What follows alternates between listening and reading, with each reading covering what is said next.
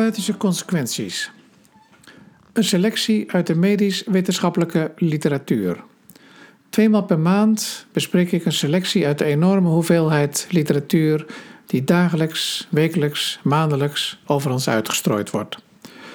Ik ben Willem Blok, internist-infectioloog en ik focus mij dan ook op de algemene interne geneeskunde, wat dat ook mogen zijn, en de infectieziekten. En soms veroorloof ik mij een uitstapje. En telkens stel ik de vraag: verandert deze publicatie onze kijk op een klinisch probleem? Verandert dit de manier waarop we diagnostiek of therapie zouden moeten bedrijven? Met andere woorden, heeft dit therapeutische consequenties?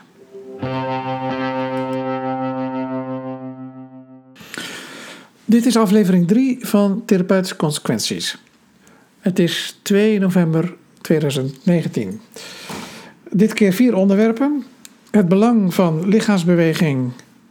Oudere artsen schrijven meer antibiotica voor. PTSS en het risico op levensbedreigende infecties. Antihypertensieve therapie s ochtends of s avonds innemen. Objectief gemeten lichaamsbeweging en mortaliteit.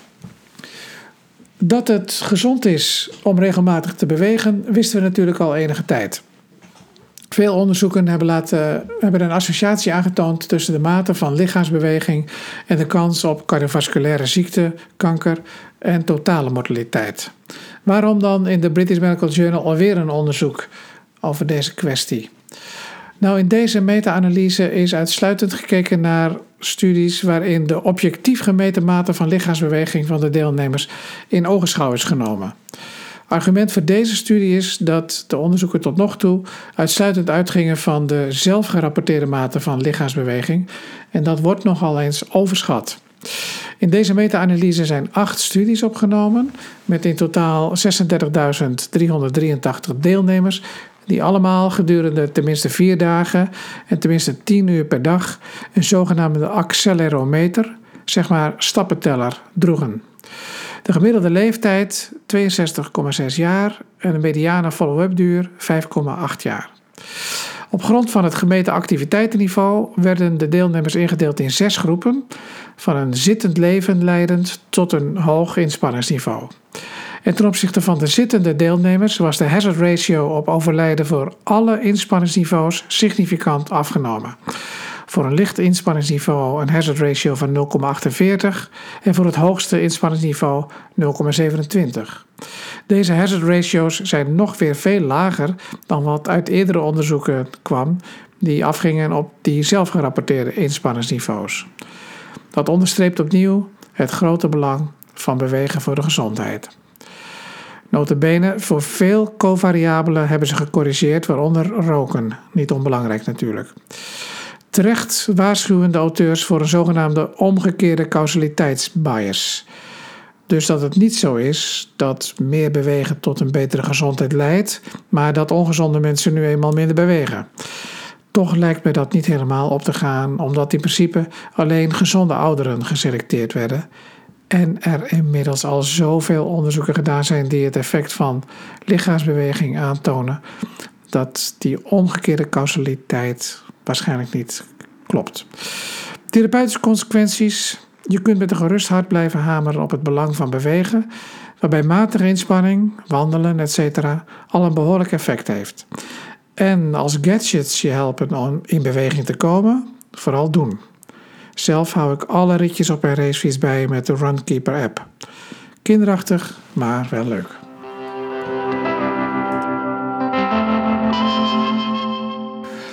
Oudere artsen schrijven langere antibiotica-kuren voor.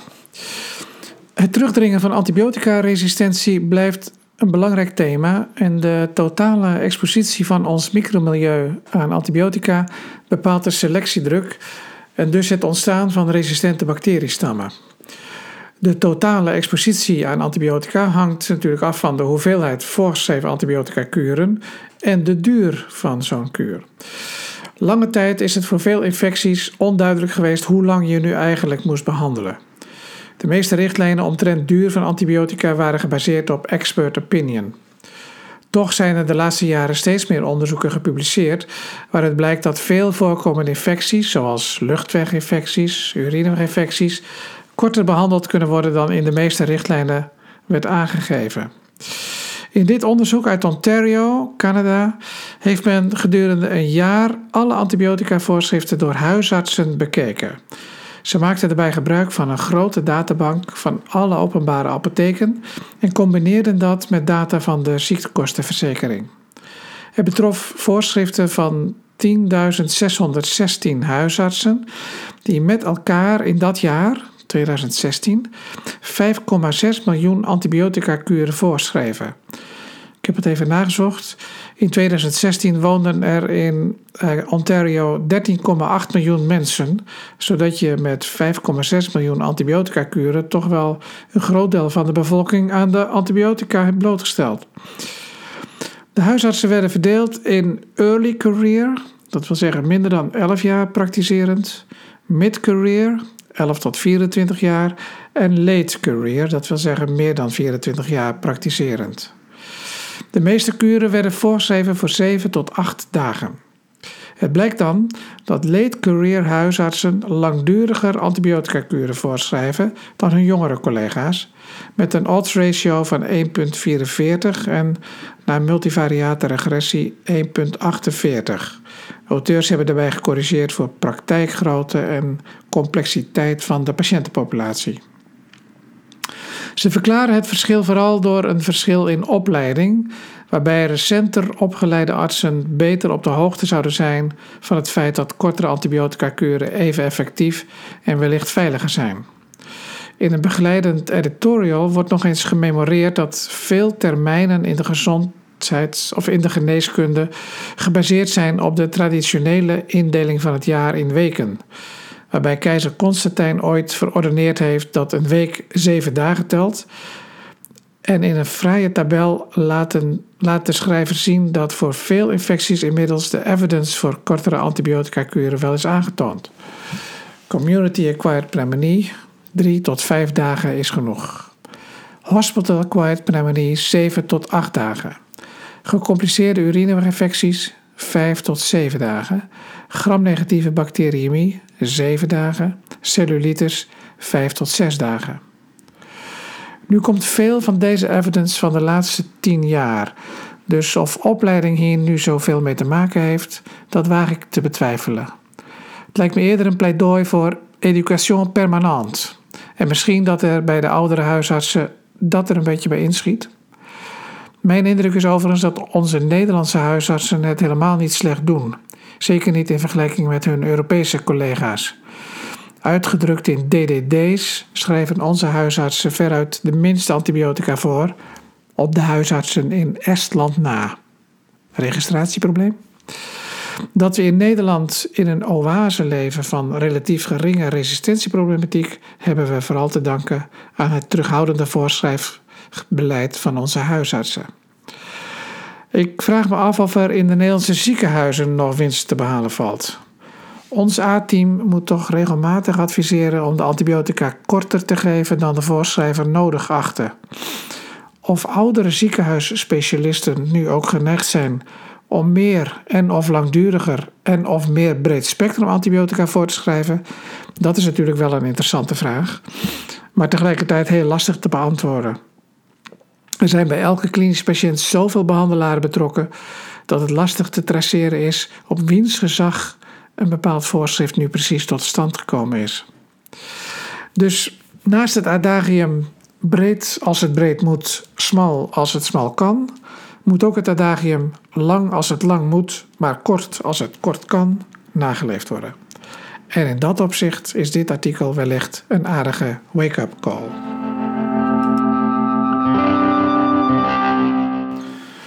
PTSS en het risico op levensbedreigende infecties. Een posttraumatisch stresssyndroom kan nog jarenlang een verhoogde incidentie van somatische ziekten met zich meebrengen. Dit is weer zo'n onderzoek uit Zweden, waar men met nationale databanken allerlei interessante correlaties kan onderzoeken. In dit onderzoek is men nagegaan of mensen met een PTSS-diagnose in de jaren na deze diagnose vaker een levensbedreigende infectie doormaken. Levensbedreigende infectie werd hier gedefinieerd als sepsis, endocarditis, meningitis of een andere centraal zenuwstelselinfectie.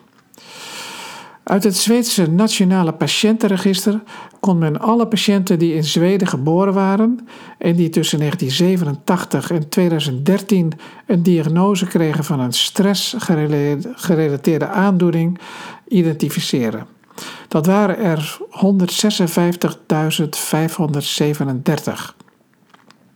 Dat betreft dan zowel klinische als polyklinische diagnoses. Dit cohort hebben ze vervolgens kunnen linken aan andere nationale databanken. Ze hebben de groep van 156.537 mensen nog wat opgeschoond. Uh, mensen jonger dan vijf jaar, als mede uh, incomplete gegevens, werden eruit gegooid. En dan houden ze 144.919 mensen over die ze geanalyseerd hebben. Bovendien hebben ze een tweetal soort case control onderzoeken van gemaakt. Eén cohort van indexpatiënten die vergeleken werden met broers of zusters, als die er waren. En een tweede cohort waarin aan elke indexpatiënt tien voor de leeftijd en geslacht gematchte controlepersonen gekoppeld werden. Uiteindelijk hebben ze ook nog de databank van medicatievoorschriften gelinkt aan de indexpatiënten en gekeken wie er een SSRI kreeg voorgeschreven voor een stressgerelateerde aandoening zoals PTSS. Bij de analyse heeft men nog voor allerlei cofactoren gecorrigeerd, zoals opleidingsniveau, inkomen en comorbiditeit. Na deze correcties komt men tot een hazard ratio van 1,92 voor het doormaken van een levensbedreigende infectie na een PTSS. Kortom, het lijkt erop dat het doormaken van een psychotrauma leidt tot een PTSS. Dat leidt een psychotrauma dat leidt tot een PTSS, dat het, dat het risico op een ernstige infectie behoorlijk verhoogt. En dat geldt nog te meer wanneer dat psychotrauma al op jongere leeftijd heeft plaatsgevonden. En, heel interessant, als ze de groep eruit lichten die voor dat PTSS een SSRI kreeg voorgeschreven, dan verdwijnt deze associatie volledig. De hazard ratio wordt dan 0,83.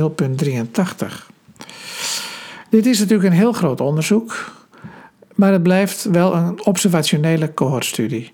En ook al heeft men zo goed mogelijk getracht te corrigeren voor allerlei confounders, het blijven slechts associaties. In een begeleidend editorial wordt nog eens gememoreerd dat er al heel wat onderzoek gedaan is naar PTSS en het risico op hart- en vaatziekten en auto-immuunaandoeningen.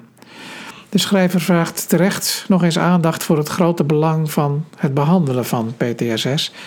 En deze studie lijkt voor het eerst te suggereren dat het behandelen van een PTSS met een SSRI de somatische gevolgen van zo'n PTSS kan mitigeren. Hoog tijd om afscheid te nemen van het dualisme, het door Descartes zo scherp gemaakte onderscheid tussen lichaam en geest. Blijft natuurlijk interessant de vraag welke mechanismen hieraan ten grondslag liggen. De hypothalamus hypofyse bijneeras wordt natuurlijk steeds genoemd.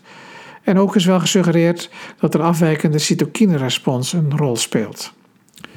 In PNAS stond eerder dit jaar een interessante studie waarin men gekeken heeft naar de expressie van het FKBP5-gen. Veroudering en stress zijn geassocieerd met een toegenomen expressie van dit gen en dat leidt dan weer tot activatie van het NF-kappa-B, een soort universele inflammatie-inducers. Deze onderzoekers hadden beschikking over een drietal cohorten en ze konden significante associaties aantonen tussen depressie, PTSS, myocardinfarct en deze FKBT-P5-expressie. Gedachte daarbij is dat stress, maar ook depressie of veroudering, leidt tot veranderingen in het epigenoom, waardoor de FKBP5-expressie en daarmee inflammatie toenemen. Ook hier weer louter associaties, maar ze wijzen wel allemaal dezelfde kant op. Therapeutische consequenties? Nou, zeker niet direct. Het goed behandelen van depressie en van PTSS kan ook het somatisch welzijn verhogen. Dat zou denk ik de voorzichtige conclusie toch wel kunnen zijn. En we gaan natuurlijk de komende tijd steeds meer horen over het epigenoom. Als je daar meer over wil weten, zie een recent overzichtsartikel in het NTVG, waar ik op de website ook naar verwijs.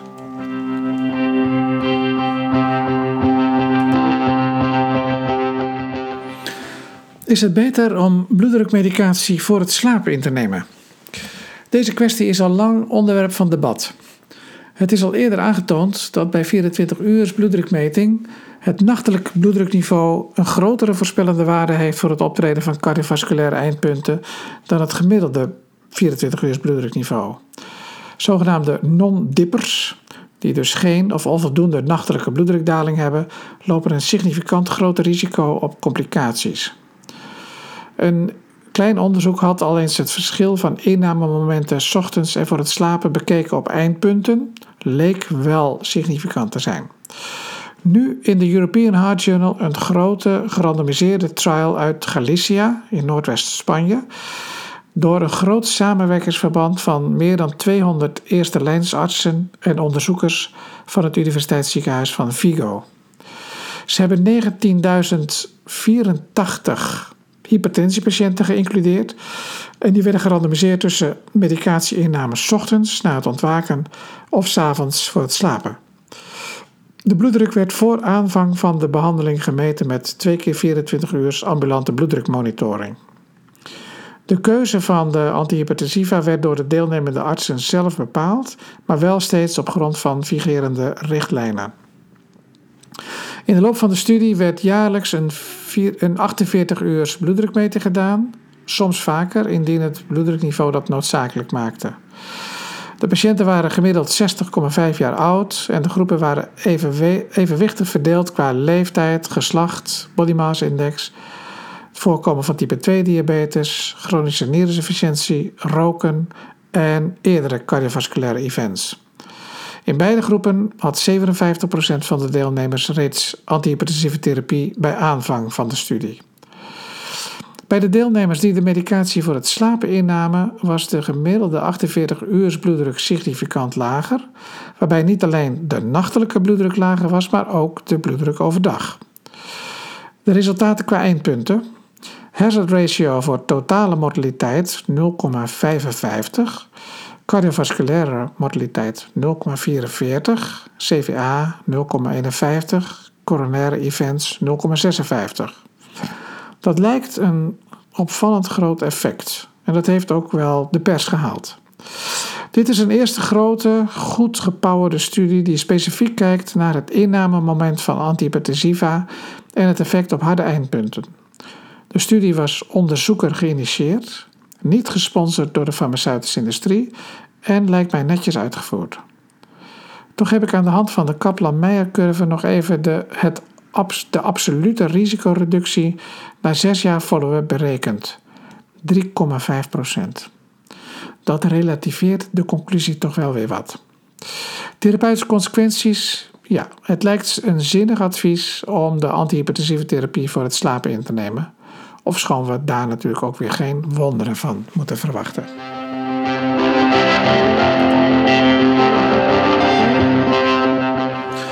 Dit was een eh, kleine greep uit de literatuur. Voor referenties ga naar www.therapeutischeconsequenties.nl.